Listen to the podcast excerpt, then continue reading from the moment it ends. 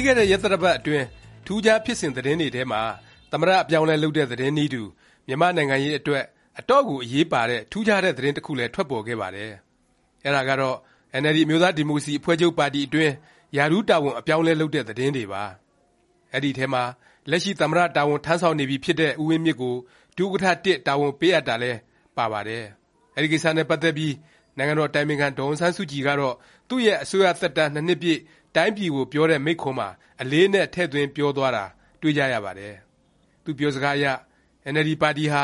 ခေါင်းဆောင်မှု တာဝန်ကို ဦးဝင်းမြင့်တို့လို ဒုတိယ မျိုးဆက် လက်ကို လွှဲအပ်ပေးခဲ့ပြီ ဆိုတာပါပဲ။လတ်တလော အင်န်အယ်လ်ဒီ ပါတီတွင်း ဘာတွေ အပြောင်းအလဲ လုပ်ခဲ့သလဲ၊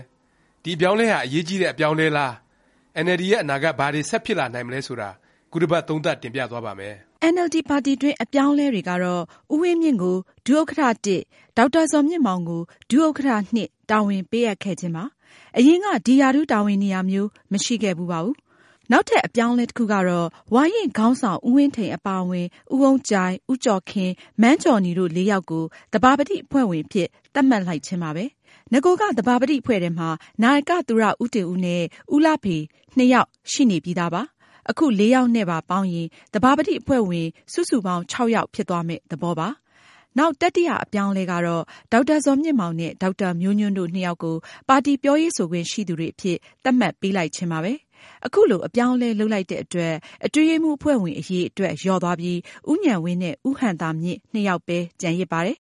ဒီအပြောင်းအလဲကို ထူးခြားတဲ့အပြောင်းအလဲအဖြစ် သတ်မှတ်ရတာဟာ အရင်ကအင်န်အယ်လ်ဒီပါတီမှာ ဒေါ်အောင်ဆန်းစုကြည်ပြီးရင် နံပတ်နေရာ သတ်မှတ်ထားတာ မရှိပါဘူး။ဒီအတွက် မြန်မာ့နိုင်ငံရေးကို စိတ်ဝင်စားတဲ့ ပြည်တွင်းပြည်ပ နိုင်ငံရေးသမားတွေနဲ့ သတင်းမီဒီယာတွေ၊ပညာရှင်တွေကြားမှာ ဒေါ်အောင်ဆန်းစုကြည်ပြီးရင် သူ့နေရာမှာ ဘယ်သူ ဆက်ခံမလဲ ဆိုတဲ့ မေးခွန်းထုတ်နေခဲ့ကြတာ နှစ်ကာလ အတော်ကြာပါပြီ။အခု အဲဒီမေးခွန်းရဲ့ အဖြေကို ပေးပြီးသား ဖြစ်သွားပါပြီ။ လက်ရှိ နိုင်ငံတော်သမ္မတ ဦးဝင်းမြင့်ဟာအင်န်အယ်လ်ဒီပါတီမှာလည်း ဒေါ်အောင်ဆန်းစုကြည်ကို ဆက်ခံမယ့် ခေါင်းဆောင် ဖြစ်လာမှာပါ။ဒါတင်မက နိုင်ငံရဲ့ အထွဋ်အထိပ် နိုင်ငံတော်သမ္မတ ရာထူးကိုလည်း ရယူထားပြီမို့ ဒေါ်အောင်ဆန်းစုကြည် အနားယူလိုက်ရင်ဖြစ်စေ၊ရုတ်တရက် နာမကျန်းဖြစ်ရင်ဖြစ်စေ ဦးဝင်းမြင့်ဟာ နံပတ်တစ် ခေါင်းဆောင်အဖြစ် အခိုင်အမာ ကျန်ရစ်မယ့် သဘောဖြစ်ပါတယ်။ဒါဟာ အတော့်ကို ထူးခြားတဲ့ အနေအထားပါ။ဘယ်လိုပဲဖြစ်ဖြစ် လက်ရှိ ဒေါ်အောင်ဆန်းစုကြည်ရော၊ဦးဝင်းမြင့်ပါ နှစ်ယောက်စလုံး အစိုးရယန္တယားထဲ ရောက်နေတဲ့အတွက် ပါတီအရေးကိစ္စတွေမှာ ဝင်ပါလို့တော့ မရပါဘူး။ပြီးခဲ့တဲ့ ၂၀၁၆ ခုနှစ် ဒေါ်အောင်ဆန်းစုကြည် အစိုးရအဖွဲ့ ခေါင်းဆောင်အဖြစ် တာဝန်ယူရတော့ ပါတီကို ဦးဝင်းထိန် အပါအဝင် အတွင်းရေးမှူး အဖွဲ့ဝင်ယောက်လက်ထဲ ထည့်ထားခဲ့ပါတယ်။အခုတစ်ကြိမ် ဖွဲ့စည်းပုံ ပြောင်းလိုက်ပြီမို့ ပါတီအရေးကိစ္စလို့ဆိုရင် မန္တလေးတိုင်း ဝန်ကြီးချုပ်လည်းဖြစ်၊ပါတီ ဒုဥက္ကဌလည်းဖြစ်တဲ့ ဒေါက်တာဇော်မြင့်မောင်ဟာ အဓိက ခေါင်းဆောင်နေရာ ရောက်သွားပါပြီ။အရင် အတွင်းရေးမှူး အဖွဲ့ဝင်ယောက် စနစ်တုန်းကလို သူလိုလို ငါလိုလို ပြသနာတက်စရာ သိပ်ရှိတော့မှာ မဟုတ်ဘူးလို့ မှန်းဆရပါတယ်။နောက်ပြသနာတစ်ခုကအငြင်းပွားစရာခေါင်းဆောင်တစ်ယောက်ဖြစ်တဲ့အတွင်းရေးမှူးအဖွဲ့ဝင်ဦးဝင်းထိန်ရဲ့နေရာပါ။အခုသဘာပတိအဖွဲ့ဝင်ဖြစ်သွားပြီဖြစ်တဲ့အတွက်အခြားအသက်ကြီးရင့်၊ဝါရင့်တဲ့ခေါင်းဆောင်ပိုင်းနဲ့အတူဒုတိယမျိုးဆက်တွေဦးဆောင်တော့မယ့်ပါတီအလုပ်အမှုဆောင်အဖွဲ့ကိုအကြံဉာဏ်ပေးတာ၊ဝန်းရံတာမျိုးလောက်ပဲလုပ်ကြရပါတော့မယ်။ကိုယ်တိုင်ကိုယ်ကျဆုံးဖြတ်ရမယ့်အနေအထားမျိုးမဟုတ်တော့ပါဘူး။ပါတီအတွက်ပြောရေးဆိုခွင့်ရှိသူတွေကိုလည်းသတ်မှတ်ပြီးဖြစ်တာကြောင့်အခြားဘာပြသနာမှရှိတော့မှာမဟုတ်ဘူးလို့မှန်းဆရပါတယ်။ ပြောရရင် ၁၉၈၈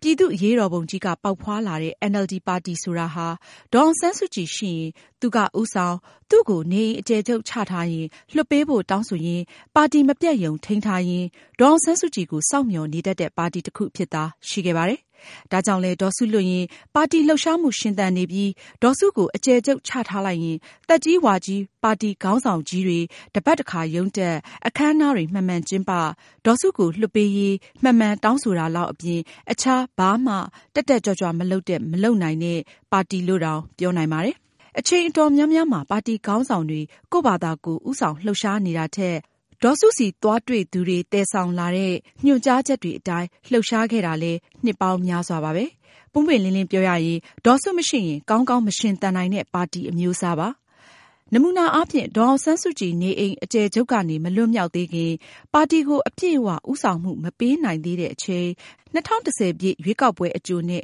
ရွေးကောက်ပွဲကာလကိုကြည့်ရင် သိနိုင်ပါတယ်။ အဲဒီကာလက ရွေးကောက်ပွဲ ဝင်မဝင် ပါတီတွင်း သဘောထားကွဲလွဲမှုတွေ ဖြစ်ခဲ့ပြီး ဝါရင့်ပါတီခေါင်းဆောင် တစ်ချို့ ပါတီကနေ စွန့်ခွာ၊ပါတီခွဲထောင်သွားတဲ့ အခြေအနေထိ ရောက်သွားခဲ့ပါတယ်။အလားတူ ၂၀၁၅ ရွေးကောက်ပွဲမှာ အင်န်အယ်လ်ဒီ ပါတီ အနိုင်ရပြီး ၂၀၁၆ ဒေါ်အောင်ဆန်းစုကြည် အစိုးရအဖွဲ့ကို ခေါင်းဆောင်နေချိန် ပါတီကိစ္စ ဦးဆောင်မှု မပေးနိုင်ချိန် အတွင်းရေးမှူး အဖွဲ့ဝင် ၅ ယောက်နဲ့ ထားရစ်ခဲ့ပါတယ်။ ဦးဆောင်သူ တိတိကျကျမရှိတဲ့ ဖွဲ့စည်းပုံအရ အဲဒီ၅ယောက်အတွင်း သဘောထားကွဲကြပြီး ပြသနာ အမျိုးမျိုး တက်ခဲ့တာလည်း အားလုံးသိကြပြီးဖြစ်တဲ့အတိုင်းပါပဲ။အင်န်အယ်လ်ဒီ ပါတီရဲ့ ဆုံးဖြတ်ချက်ဟာ နေပြည်တော်ဘက်က ဆုံးဖြတ်သလား၊ရန်ကုန်ရုံးချုပ်က ဆုံးဖြတ်သလား မကွဲမပြား ဖြစ်ခဲ့ကြသလို၊နေပြည်တော်ဘက်က ဆုံးဖြတ်တာကို ရန်ကုန်ဘက်က မသိ၊ရန်ကုန်ဘက်က လှုပ်ရှားမှု နေပြည်တော်နဲ့ မဆိုင်သလိုတောင် ဖြစ်နေခဲ့တာပါ။ဘ ယ်လိုပဲဖြစ်ဖြစ် ခုဆို တိကျတဲ့ ဆက်ခံမယ့်သူ၊တိကျတဲ့ ဖွဲ့စည်းပုံ ရှိနေပြီမို့ လက်ရှိ အင်န်အယ်လ်ဒီ ကို ခေါင်းဆောင်တော့မယ့်သူတွေ အနေနဲ့ ပါတီရဲ့ ရေရှည်နဲ့ ရေတို လုပ်ရမယ့် ပေါ်လစီ အသစ်တွေ ချမှတ်ဖို့ လိုနေပါပြီ။ဒီနေရာမှာ ပါတီရဲ့ ထိပ်ဆုံးခေါင်းဆောင် နှစ်ယောက် အစိုးရအဖွဲ့ထဲ ရောက်နေတာမို့ ပါတီအနေနဲ့ အရာရာကို ခေါင်းဆောင်မှု ပေးရမယ် ဆိုတဲ့ မူကိုတော့ ကျင့်သုံးနိုင်မှာ မဟုတ်ပါဘူး။ဒီအတွက် ဘယ်ကိစ္စတွေဆို အစိုးရအဖွဲ့ထဲက ခေါင်းဆောင်တွေက ဆုံးဖြတ်လိမ့်မယ်၊ ဘယ်ကိစ္စတွေဆိုရင်တော့ပါတီကဦးဆောင်မှုနေရာရယူလုပ်ကိုင်ရမယ်ဆိုတဲ့မူရှိထားဖို့လိုပါတယ်။တစ်ခုခုဆိုရင်ဒေါ်အောင်ဆန်းစုကြည်ကဆုံးဖြတ်ပေးမယ်ဆိုတာမျိုးဟာလက်တွေ့မကျတော့သလို၊ပါတီအတွက်၊အစိုးရအဖွဲ့အတွက်၊တိုင်းပြည်အတွက်အန္တရာယ်လည်းများတဲ့အပြုအမူမျိုးပါ။ဒီအတွက်အင်န်အယ်လ်ဒီလက်ရှိခေါင်းဆောင်၊ဒုတိယမျိုးဆက်တွေအနေနဲ့ပါတီရဲ့လုပ်ငန်းဆောင်တာတွေ၊ပါတီတည်ဆောက်ရေးဆိုင်ရာကိစ္စတွေကိုပြန်လည်ဆန်းစစ်ပြီးစနစ်တကျကိုင်တွယ်ဆောင်ရွက်သင့်ပြီဖြစ်ပါကြောင်းတင်ပြလိုက်ရပါတယ်။